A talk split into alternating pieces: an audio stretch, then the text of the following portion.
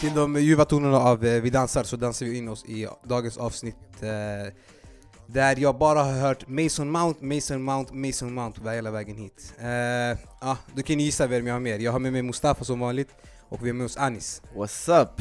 What's up G? How you doing? Det är bra, det är bra. Kul att vara tillbaka. Du har sovit gott de här dagarna va? Jag har sovit helt OK. Helt okej? Helt okej. Ja. Musse? Ja det är skönt, det känns som att man har varit borta länge men det har bara varit kanske en vecka eller så. Ja. Men eh, man missade ju La Liga-uppladdningen så jag vi... vet, det var många som sa att du inte var här på grund av eh, att du kände lite rädsla.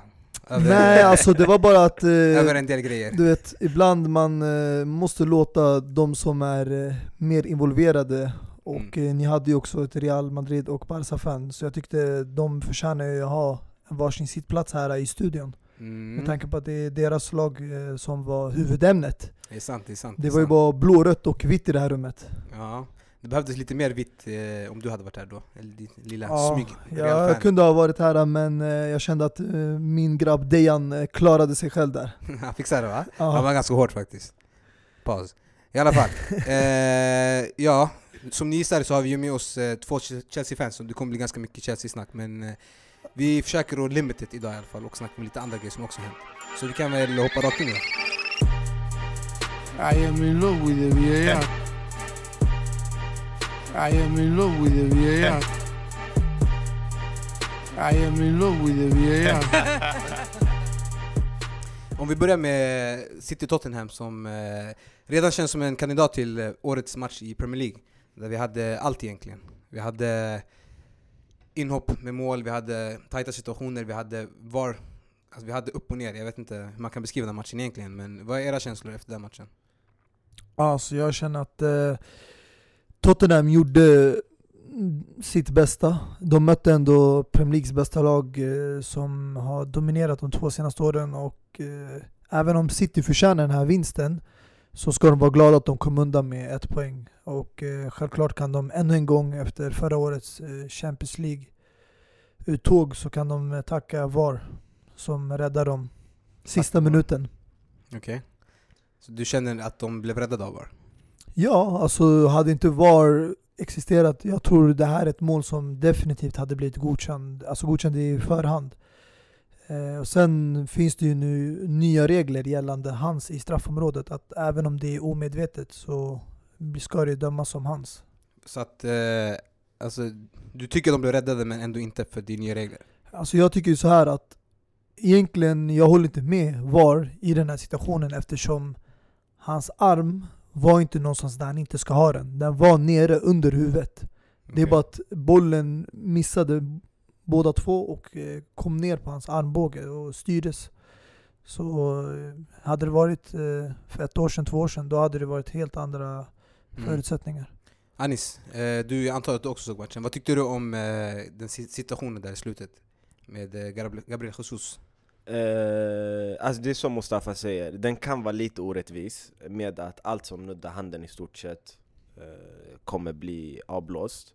Eh, medvetet, omedvetet. Jag tror till och med de har tagit bort det här med avstånd. Mm. Eh, så att eh, det, det är hårt, det är hårt. För man har sett City vinna sina matcher under de senaste 3-4 åren under Guardiola. Mm. på de här sista minuten. Lite tveksamma, men de har ändå fått det. Nu har de, fått, alltså de har fått backfire på VAR två gånger nu, och det mot Tottenham i CL och i, i lördags då.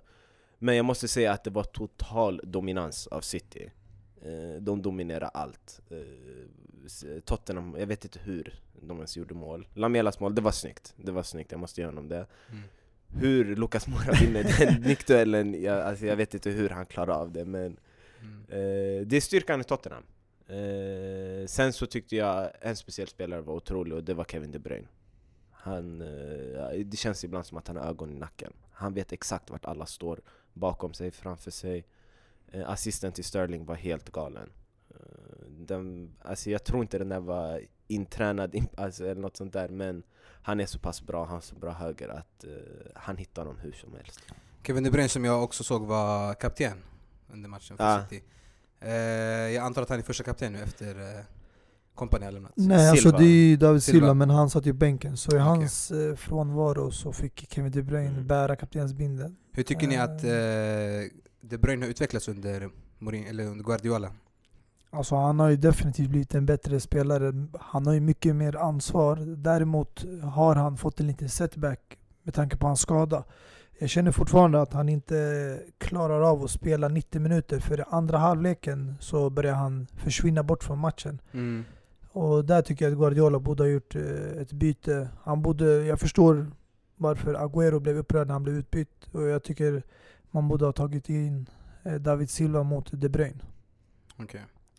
Eh, Tottenham som jag i alla fall antog, eller tycker är en av de hetaste titelkandidaterna.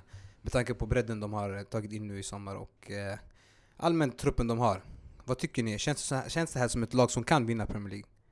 Mm, nej, Eh, de kommer inte vinna Premier League. Det finns några hårt. eh, högre i rankordningen. Mm. Eh, men eh, det är Liverpool City, eh, ob- obviously. Men Tottenham är där, så som förra året. Många såg dem som en klar trea och sen var Chelsea, Arsenal och United eh, långt efter dem. Men i år så ser jag inte ens jag dem som en klar trea. Känner, inte känner du att de har blivit svagare eller att andra lag har blivit Alltså de har, starkare? deras trupp har blivit starkare, men det känns som att andras trupper har också har blivit starkare. Eh, Arsenals trupp, eh, den är väldigt stark i år. Mm. Jag tror nog att de och Tottenham kommer blanda sig in om tredje positionen. Eh, men Tottenham, de, de är där och lurar, men jag tror inte de kommer vara självklara trea. Vad säger du Mustafa? Alltså jag hade lite höga förhoppningar på dem med tanke på att de har ändå lyckats behålla alla nyckelspelare. Eriksen som man trodde länge skulle lämna verkar bli kvar och eh, sen har de förstärkt på vissa positioner, speciellt mittfältet, en Dobele. Som jag tror kommer eh, bli en nyckelspelare. Jag sa det tidigare och jag tror det kan hjälpa dem men det är svårt att se dem att ta det här till nästa nivå, att vinna ligan och sånt. För det handlar om alltså, kontinuerligt kunna vinna och sen måste han rotera laget också för de har ju Champions League också så det kommer bli svårt att fightas på alla fronter och jag har svårt att se någon utmana City. Alltså nu senast när vi pratade om Premier League-uppladdningen, jag ville verkligen ge Liverpool och Tottenham en chans men ännu en gång när jag ser deras bänk och vad de har att kasta in under en halvlek, det är helt sjukt. Alltså man, det går inte att jämföra. Det är som Mourinho sa. Alltså. Det här B-laget kan eh, fightas som ligan. Mm. Eh, vi såg ju en situation också med Agüero och eh, Pep där det blev lite hetsigt till en början när Agüero blev utbytt mot eh, Jesus. Men eh, det såg ut att lugna ner sig där vid målet. Vad tycker ni om den situationen? Tycker ni det är bra att han visar känslor så öppet och att, liksom, att det är så äkta? Eller tycker ni det var lite respektlöst av Agüero? Alltså det är, man ska inte göra sådana scener på planen. Man kan visa sina känslor efteråt. Men det är naturligt också. Jag förstår, man, som en anfallare och första val, du vill inte bli utbytt när eh, matchresultatet är 2-2. Eh, Det är en annan grej om du blir utbytt och ditt lag leder om man tänker på att vila spelaren. Men i den här situationen så känner jag att han vill liksom vara med och avsluta den här matchen för att eh, den var långt ifrån över. Vad säger han? Tycker du det är liksom eh, att det visar på Visar prov på liksom att Agüeros ställning, eller status i klubben Att han kan prata som med, Guardiola, eller tycker du bara allmänt att det är respektlöst? Alltså det är ju en blandning av respektlöshet, att du gör det så öppet, alla kommer diskutera om det, det kommer bli en snackis. Men samtidigt, jag förstår Agüero till 100% Det här är inte någon... eh, Alltså med all respekt till Jesus, Agüero är bättre än Jesus. Agüero är en världsklasspelare, han har varit det i 10 år. Mm. I mer än 10 år kanske också Grejen är att jag tror nog att han är lite missnöjd med den här upp, alltså speltiden, eller uppfördelningen med speltiden med Jesus Jag tror nog Agüero känner själv att han förtjänar mycket mer. Nu gjorde han också ett mål den här matchen. Jag tyckte inte att han spelade speciellt bra, han var inte så aktiv med eh, den offensiven. Men eh, han är fortfarande en världsklasspelare som kan avgöra matchen när som helst. Så jag förstår hans frustration till 100%. Mm, vi såg ju också att de eh, kramades och blev vänner där efter eh, Jesus mål. Det var mycket som hände i det här målet men eh, i alla fall det såg ut att vara okej efter. Så det var skönt att Ja, se. det verkade vara så. Fram till att målet blev bortdömt. Då såg man en chockerande blick från Agüero. Mm. Så, men jag tror det är löst. Alltså det, är, det är mycket blandade känslor. Det är under stundens hetta, men jag tror det går över alltså, ganska fort. Mm, okej. Eh, om vi håller oss kvar i England och snackar lite om, eh, nu när vi ändå har er två här, det är ganska blått inne, så jag tycker vi kan fortsätta på Chelsea och Leicester. Där vi hade en eh, ganska intensiv match, där vi såg eh, ett, jag vet inte, som, det som Lampard sa, han var mer nöjd med United-matchen än han var med Leicester-matchen. Vad tycker ni allmänt om Chelsea-matchen? Ja, Alltså, på ett sätt håller jag med honom. Eh, Chelsea mötte ett mycket bättre lag mot United och kontrollerade matchen bättre. Det var bara misstagen som ledde till mål. Eh, det man gjorde mot City var att eh, det var mycket färre misstag och eh, man visade ju självklar förbättring under den här veckan efter Uefa Supercupen mot Liverpool och sen Leicester. Men jag ser fortfarande, eller det här är första gången jag ser en brist i Lampard som tränare och det är hans byten. Han måste göra byten vid rätt tillfällen och han måste göra rätt typ av byten. I den här matchen, eh, han eh, valde matchen gå ganska länge fastän man märkte liksom andra halvlek, Leicester kom ut som det bättre laget. Och eh, då, mm, som en tränare, man reagerar på sånt.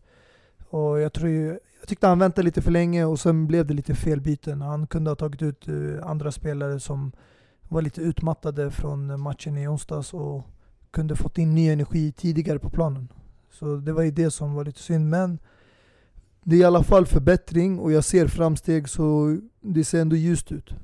Mm. Vad säger Anis? Mason Mount, Mason Mount, Mason Mount. Mhm. Levererar han eller? Det är guldpojken. Ja. Eh, han, eh, han levererar. Alltså jag tycker att, inte bara för att han är ung, inte bara för att det är en Lampard-spelare i fjolåret, utan han är en skitbra spelare tycker jag. Han, eh, alltså det känns som att han har ett bra förstånd för fotboll. Han tänker fotboll, han tänker vad som är bäst för laget, han löper rätt. Han är inte den snabbaste, eh, men han har alltså, hans kvalitet täcker upp för hans snabbhet. Men eh, alltså jag tycker att han kan bli en toppklassspelare. Han, han har ett öga för mål, han har jättebra högerfot. Han länkar ihop mittfältet med anfallet jättebra. Han... Eh, som sagt, det känns som att den här killen kommer få sina chanser eh, av Lampard. Lampard verkar gilla honom väldigt mycket från Derby-tiderna. Så att eh, det kommer bara gå framåt för honom tror jag. Ja, det, jag vet inte, jag snackade med dig Anis förut också om det här med att eh, det kanske är skönt för Chelsea-fans att, att ändå ha den här ban den här sommaren. Mm. För att, eller det här året egentligen är det till och med. För att, eh, för att man får se liksom sina egna talanger växa i laget. De här alla som har haft utlånade och bänkade, att de får chansen att visa upp sig. Känner ni också så att det är liksom att det är skönt på ett sätt? Uh, alltså det, pressen känns som att den är helt borta. Jag gillar att vi är uträknade, inte för att vi ska vinna någonting vi är uträknade att vi ska komma vinna, men att det finns ingen press där längre, alltså känns det som. Vi, vi kan komma topp fyra kanske om vi gör väldigt bra säsong. Annars tror jag det är fine med att vi kommer utanför topp fyra. Eh, vi får ett fönster där, vi, där Lampard får eh, sälja det han behöver sälja och köpa in. Framförallt det han behöver köpa in. Eh, sen är själva pressen på Lampard också eh, mycket eh, mindre. Han, han får, jag tror han får mycket mer utrymme. Eh, han får göra sina tabbar, lite fler tabbar än vad andra tränare har fått göra. Eh, det, vi kommer säkert få se matcher där det inte kommer gå bra alls. Där intensiteten har varit för hög i några veckor och sen kommer de falla platt. Men eh, jag tycker bara det är allmänt skönt. I och med att vi inte, vi kommer absolut inte vinna ligan. Vi spelar i CL, vi kommer absolut inte vinna CL. Kanske någon kupp som Sarri gjorde förra året, jag vet inte. Eller Sarri kom till en final i kuppen. Eh, men mer än så tror ingen på, inte ens Chelsea-fans tror på något av det. Och det känns ganska skönt i och med att vi inte fått handla in. Mm. Eh, Mustafa, en sista fråga bara om Chelsea innan vi går vidare. Eh, många, klag, många klagar ofta du vet, att tränare spelar för defensivt eller så vidare. Tycker du, att det, tycker du att Lampard spelar för offensivt? Skulle du säga att det är en kritik man kan säga mot honom? Med det laget han har? Alltså med tanke på hur vi spelade förra året med Sarri så jag tycker det är inte för offensivt. Det är balanserat och det är ändå bra att han följer liknande fotspår för största delen av laget har nyligen liksom anpassat sig till en ny spelidé och filosofi. Och att han har en liknande spelidé med hög press, att vinna tillbaka bollen så fort som möjligt. Eh, det tycker jag är bra för de här spelarna. Och eh, jag tycker det framöver kommer hjälpa laget för att de fortsätter på samma fotspår och kommer lära sig den här eh, spelidén som Lampard har. Sen tror jag inte att den är exakt som Sarris, men eh, jag tror det kommer gynna laget eh, i längden. Och som sagt, de här unga spelarna som kommer in, de är ju ganska nya, så för dem, eh, de har inte varit med och spelat tidigare under eh, tränare som Mourinho och Conte, så för dem, det här blir liksom en direkt första test när de spelar i A-laget och får liksom visa vad de går för. Så jag tror det är bra. Jag tror de gillar det och de är unga och de har mycket energi så det kommer passa perfekt för det här laget. Mm, om vi håller oss kvar i London så såg vi också ett Arsenal som känns eh, jag vet inte, på, nytt, på nytt fött nästan kan man säga. Med eh, en Ceballos som kommer in och bara trollar mittfältet. Pepe kommer in, tunnlar folk. Aubameyang och Lacazette bara har kul där uppe. Jag vet inte, vad säger du Mustafa? Är det en titelkandidat det här? Så jag tycker det här känns faktiskt på... Det var länge sedan Arsenal gjorde rätt typ av värvningar. Och nu tycker jag verkligen de har fått de rätta pusselbitarna. Det kanske är det enda som saknas, eh, det är försvaret. Ja, David Luiz är en bra spelare, erfaren och har en eh, vinnarmentalitet. Men de kunde ha fått bättre än så. Han är inte där för framtiden. Det var ju självklart en kortsiktig lösning. Men eh, i mittfältet och offensivt ser det väldigt ljust ut. Och, ja, det, det, kan bara bli bättre för att eh, Nicolas Pepe, jag ser inte honom som en bänkspelare. Han måste gå in i startelvan. Sen vems plats han tar, om det blir den här Reece Nelson eller om det är Mkhitaryan, det får vi se. Men eh, det kan bara gå framåt. Och de har gjort en helt okej okay start nu. Två vinster, de har inte mött det tuffaste motståndet men eh, det är i alla fall eh, någonting eh, att, en bra grund att bygga vidare på. Ja, det var ju länge som man såg i alla fall Arsenal med en sån här bredd i truppen tycker jag i alla fall, med kvalitetsspelare. Man har ju bland annat Mkhitaryan på bänken och Özil som fortfarande gömmer sig under sin säng. Men... Nej men Özil äh, verkar som att han kommer ju lämna. Eh, de eh, ser inte honom som en del av planerna. Mm. De har ju Reece Nelson. Det har man sagt länge egentligen. De har ju Reece Nelson nu, Nicolas Pepe, Mkhitaryan och eh, sen tror jag de kommer sättas också på den här uh, Vet han? Willock? Willock. Han, jag blir väldigt imponerad ja. av honom faktiskt. Uh, och han har ju redan startat de två första matcherna. Mm. Yes, vi får se hur det går för Unai Emery och eh, Londonlaget. Om vi hoppar över till eh, Espanja och eh, kollar lite på hur det ser ut där. Jag läste någonting intressant att eh, det är första gången på 800, blir 19 dagar tror jag, där Real Madrid är över Barcelona i La Liga-tabellen. Vilket, vilket säger väldigt mycket om Barcas dominans i Spanien. Men eh, jag vet inte om man ska kalla det Barcas dominans eller Messis dominans när vi ser hur Barca spelar utan Messi. För vi såg på bortaplan mot Atletico Bilbao som aldrig kommer vara en enkel match. Men eh, vi såg en Aritz Aduriz som eh, bara, jag vet inte, vad kan man kalla det? Magi? Ja, alltså det här var det nog bästa premiärmatchen för Atletico Bilbao. Och eh, han har ju också redan eh, gått ut och sagt att det här blir hans sista säsong i Atletico, Madrid, eller Atletico Bilbao och 38 år gammal och gör sånt här mål mot Barcelona, det är ändå en skön alltså, karriär för den här spelaren och få avsluta den här baskiska klubben som han började i. Mm, Ad Aduric som eh, tangerar Messis rekord på flest eh, gjorda, alltså flest säsonger där man har gjort mål i. Jag tror det var 15 om jag minns rätt nu. Mm. Vilket säger väldigt mycket om Messi egentligen, mer än honom, men ändå. Eh, Aduric som eh, kom in på bänken, från bänken och bara dödade matchen i 89 minuten. Anis, mm. vad säger du? Var det en rättvis eh, alltså, bild av matchen? Det var otroligt rättvis, om inte de skulle vinna med mer också. Eh, jag tyckte absolut att Barca var i närheten av vad de kan vara med Messi. Eh, de, eh, jag vet inte, det kändes som att de hade ingen kreatör, man visste inte vem. Dembele kunde komma in och skulle agera tia. Eh, helt fel spelare att göra det. Eh, Suarez, okej han skadade sig ganska tidigt. Griezmann, jag har ingen aning om vad han är ute på vänsterkanten. Eh, jag, vet, ja, jag, har, jag vet inte hur Valverde tänker med det. Är det någon som vet hur han tänker? Alltså jag jag, jag tror inte, jag, jag har inte så mycket fokus på Valverde och hans spel. Jag tycker bara försäljningen av Barcelona har gjort eh, har varit lite konstiga.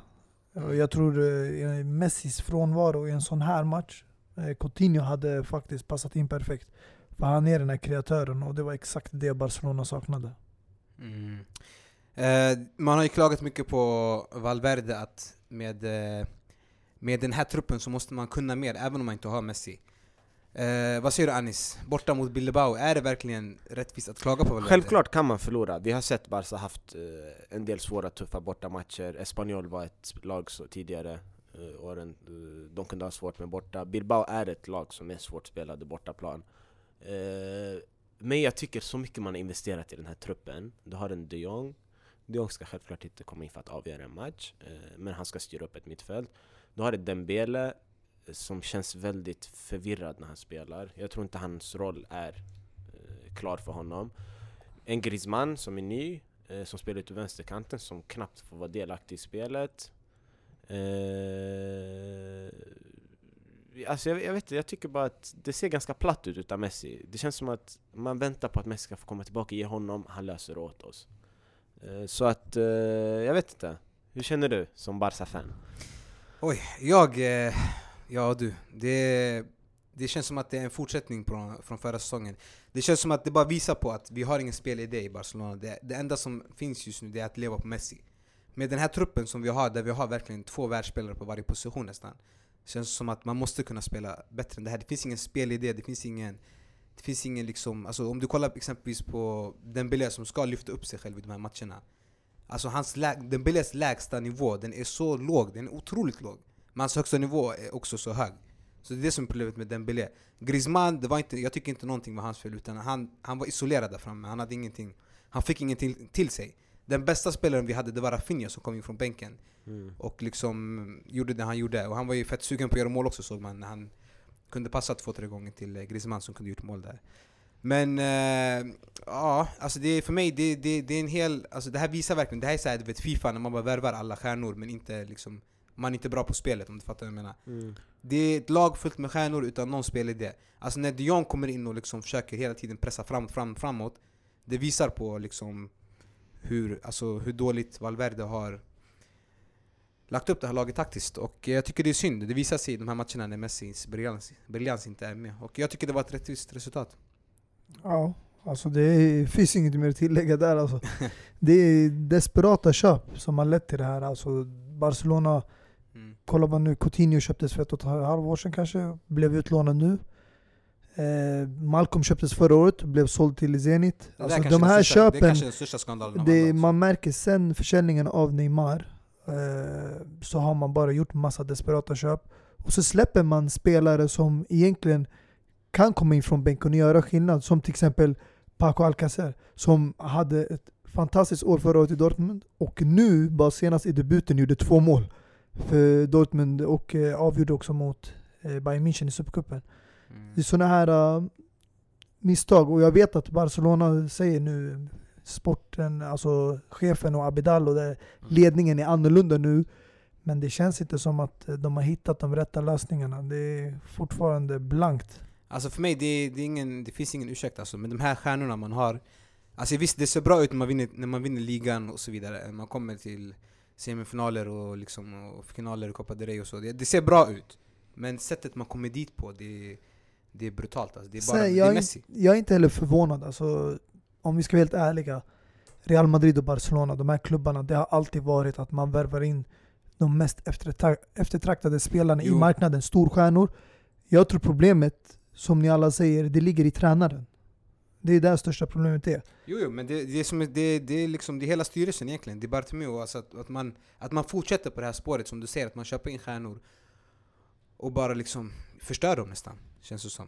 Och jag tycker det är så synd att vi har så många exempel på, vi har Malcolm, vi har Coutinho, vi har många exempel på stjärnor som man gör så här med. Och alltså, det är inte hållbart i längden. Men det som är ändå en ljusglimt från den här säsongen, man kan säga nu att man ser ju många mer liksom, egna spelare som får chansen. Bland annat mittfältet, vi har sett Roberto som har flyttats upp nu, Alenia, Puig som har fått liksom komma in. Jag har sett på båda ytterbackskanterna också så har vi fått in spelare från egna led. Så det är i alla fall kul att få se. Och det känns som att det är, det är en förbättring i alla fall till nästa tränare. Som eh, tar över förhoppningsvis.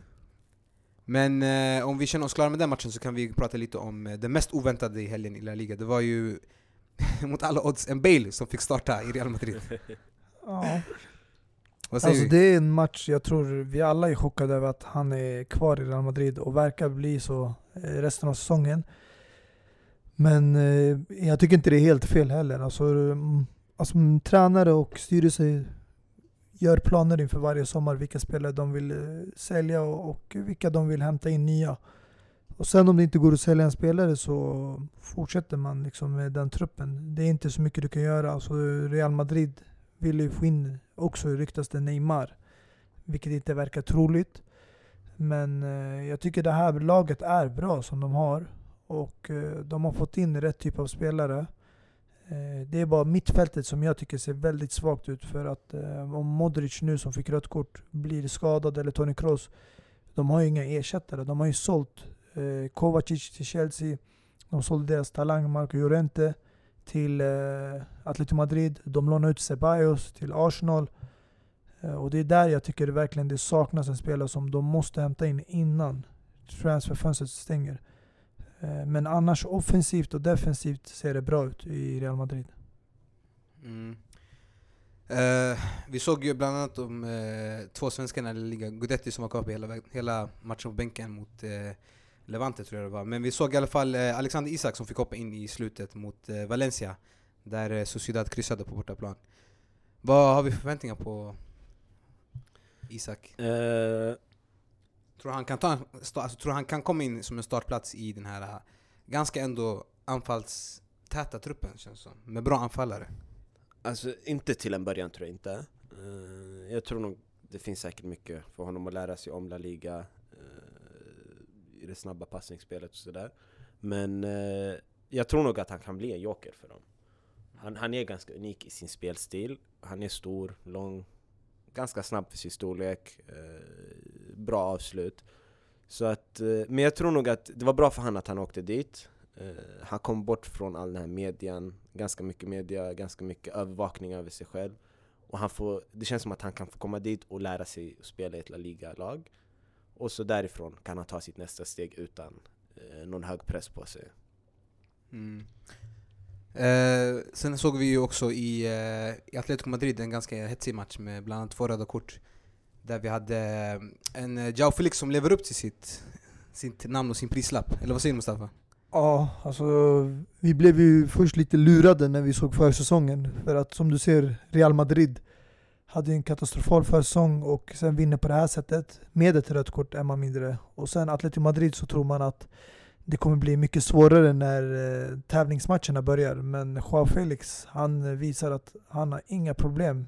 Det spelar ingen roll om det är Portugal eller det är Spanien. Den här killen, jag, jag kan se honom att han att, alltså inte följer i Ronaldos fotspår men han kommer bli stor och jag tror han kommer växa ifrån eh, speciellt Griezmanns eh, skugga som kanske han har lämnat i Atletico Madrid och verkligen täcka upp för det han har gjort tidigare.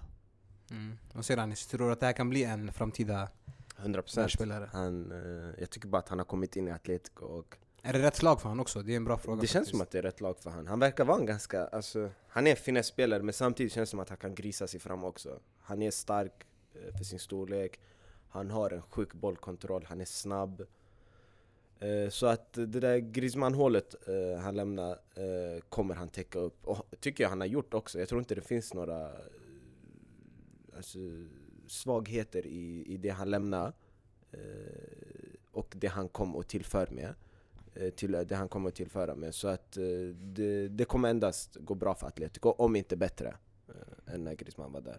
Alltså många glömmer bort också att Diego Costa han var ju avstängd Mm. från den förra säsongen. Han är fortfarande ett rött kort eh, som han väntar komma tillbaka till. Så de har ju ändå en bra anfallsfront i Morata, Diego Costa eh, och sen får man inte heller glömma förra årets värvningen Thomas Lemar tillsammans med Joao Felix. Det här kan bli ett lag som jag tror kommer utmana om ligan. Jag tror helt ärligt deras chanser är minst lika stora som Real Madrid och Barca just den här säsongen. Eh, det enda som kanske ser lite svagare ut är försvaret, för de har tappat eh, några nyckelspelare där. Eh. Men annars har de ju kvar de viktigaste spelpjäserna. Yes, eh, när vi börjar runda av lite så kan vi kanske snacka lite om eh, de senaste transfers som har rykten, klara transfers och så vidare. Vad har vi nu? Jag såg att Balotelli är klar för... Eh, Ja, nykomlingarna Brescia mm. på ett treårskontrakt. Eh, Alltså det är chockerande ändå Balotelli, vilka folk liksom eh, med den här potentialen brukar liksom gå upp i karriären. Den här killen han har bara gjort alltså, nedfall, alltså han bara tagit trappor neråt. Från Inter ner till City, sen ett mellansteg där Liverpool som inte lyckades så bra, eh, som blev utlånad till Milan, tillbaka i Serie A. Eh, men eh, såld igen och eh, sen hamnade han i Marseille och nu Brescia. Eh, Men det ryktades ett tag också att han skulle gå till Flamengo i Brasilien, vilket jag blev chockad över. Att en italiensk spelare ska gå till Brasilien och börja spela. Men ja, det här kanske var det rätta valet för honom att komma tillbaka till sin eh, hemnation Italien och få spela sin fotboll i alla fall i Serie A. Om han gör det bra så kanske han hamnar i en toppklubb igen. Mm, Balotelli som ändå gjorde det bra i Marseille Mm. och kändes ganska... kändes som att han hade hittat hem egentligen. Han, det känns som att han är alltid den här talangen, du, men när man tänker efter, han är ändå 29 bast. Så ja, vi får se hur han gör i, i Italien. Alltså min största frågan det är ju till dig Yasser och alla Barca-fans. Hur känns det att Coutinho är Bayern Münchens reservplan? Deras förstahandsval till nummer 10 var ju Hudson Odoi som de försökte värva och eh, ja, blev nekade alla bud både i januari och somras. Mm. Eh, De erbjöd honom även då att ta över nummer 10 från Robben.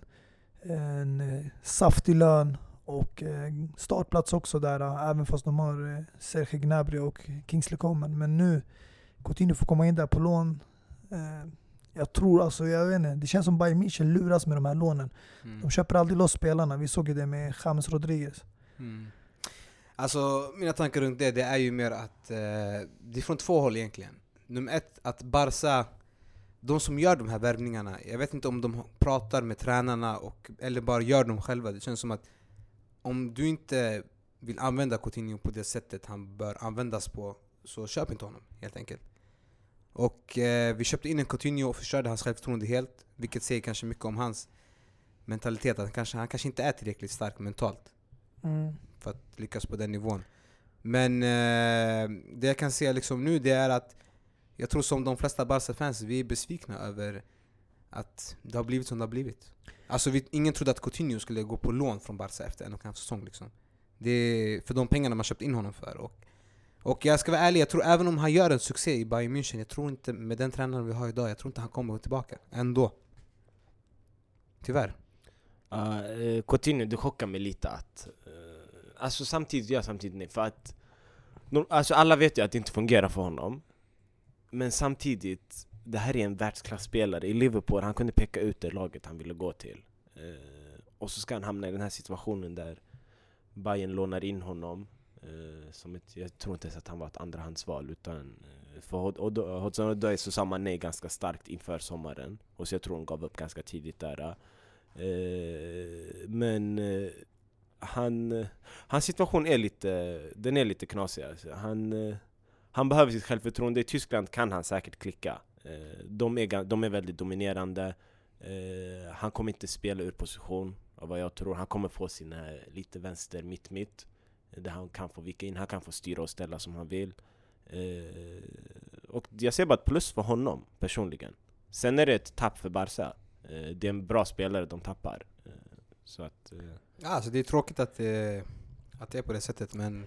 Men alltså det här visar ändå bara hur desperata ett lag är att få iväg en spelare. mm. Att man lånar ut honom, eh, och vi alla vet hur mycket han kostade.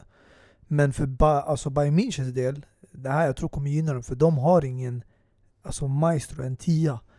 Eh, de har ju många innermittfältare, Tolisso. Han tog ju eh, nummer 10 också, på ja. tal om det. De har ju många så här, innermittfältare, defensiva Javi Martinez, sen har de eh, Thiago Alcantara, Tolisso, eh, Leon Goretzka. Så det här, jag tror Mm. det här kan bli verkligen en spelare som gör skillnad i det här laget och eh, kan linka upp bra med eh, yttrarna och eh, anfallet Lewandowski.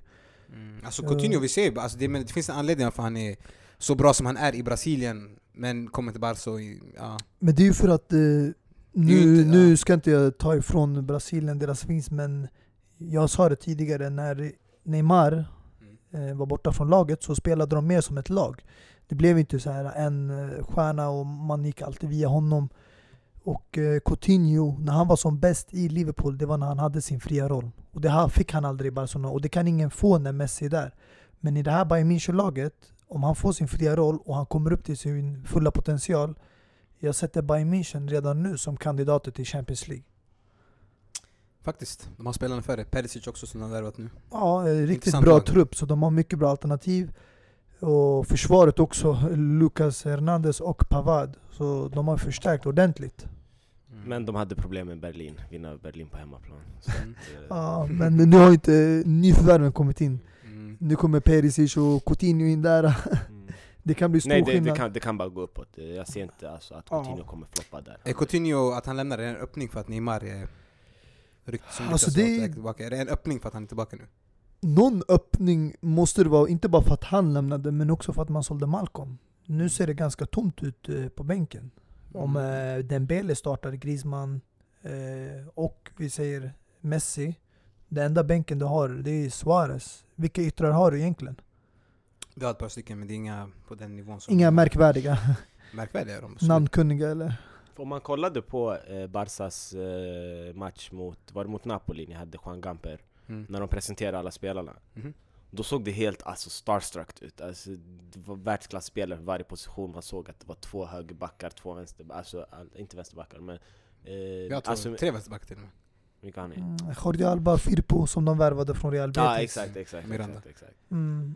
Eh, Men jag, vet- jag vet inte om han var med i presentationen den matchen. Mm. Eh, mittfältet var helt laddat och eh, anfallstruppen var också helt alltså, Så att nu känner jag vet inte, det har gått från att alltså, ni kommer vinna trippen, allt är bra Mm.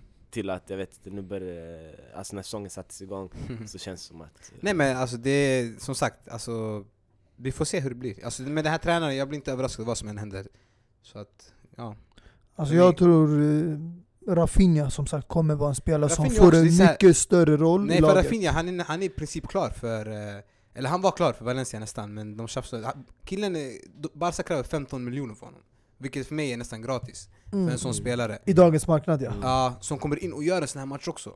Så att... Eh, Men jag tänker nu, när har och de vill betala 12 om jag minns rätt. Ja, men nu i det här läget tror jag han blir kvar om inte man hämtar in då en Neymar eller liknande spelare. Alltså jag, tycker, jag om, han- jag tror- tycker om, han, om, han, om han vill vara kvar och han accepterar bänken, jag tycker han ska få vara kvar. Det handlar mer om hans skadebekymmer annars. Det är det, det, är det som har varit hans problem. Men Mm. om han ac- kan acceptera en sån här roll där han är på bänken, alltså, ni såg ju själv när han kom in nu. Mm. Men jag har det svårt att se, för att han är en bra spelare alltså, i grund och botten Eh, Så jag har svårt att se honom acceptera en Det det. bänkplats Men sen är alltså En transfer vi glömde nämna by the way, som jag såg idag. Eh, Alexis Sanchez, Sanchez på väg till Inter. ja. Väldigt intressant, på lån. Mm. Väldigt intressant, vad säger ni om det? Alltså det, blir kommer som en chock alltså. för mig. För att, eh, ja, mm, jag ser inte Sanchez som en spelare som ska vara het i marknaden just nu efter det han har gått igenom. Men, jag tror inte eh, han kan få en nytändning i Italien eller?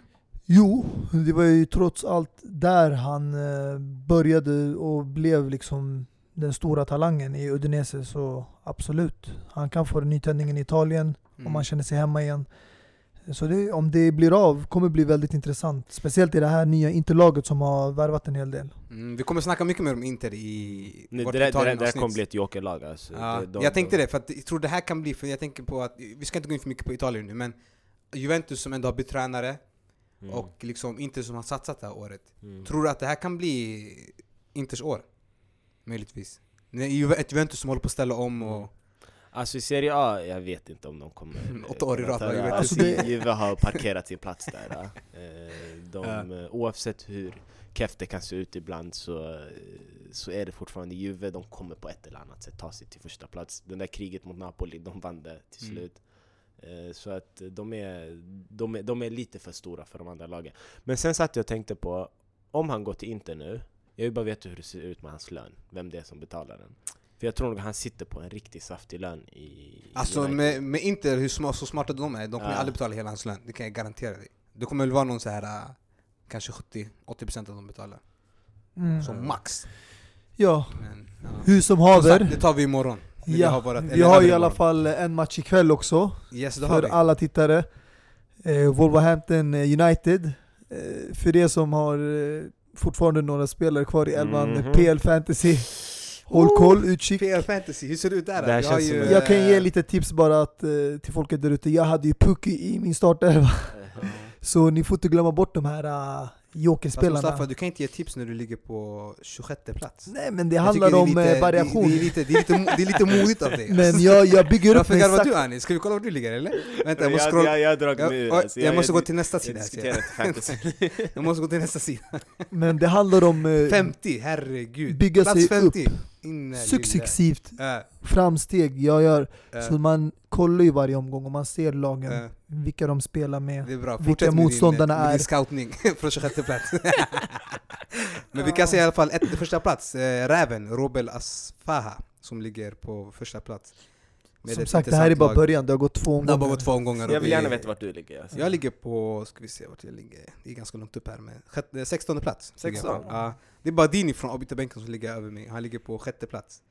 Så, Mm. Som sagt, så det är, det är inte så stor skillnad. Det är, poängen skiljer sig inte så mycket. Det är 10-20 30 poäng, det 36 går över ganska fort. Det är 36 nej men det, det är som sagt, det är bara början, det är mycket som kan hända men eh, Jag vet inte, jag kokar bara att jag inte hade lagt in den jävla Puki!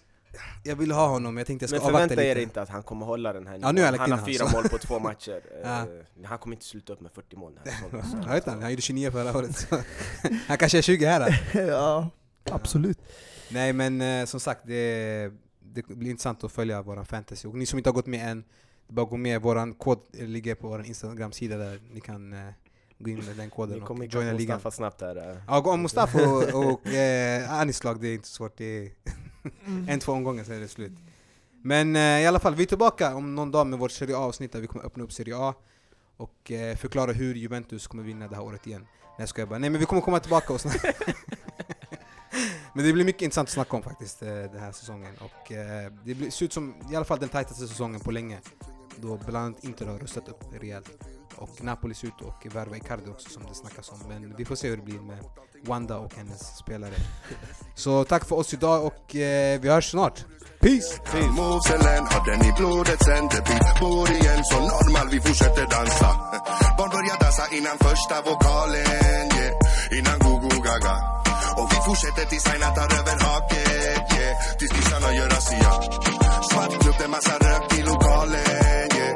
Fine grades alla Alla dricker som Valhalla, mjöd i glasen yeah. Plus rom och vodka. Uh.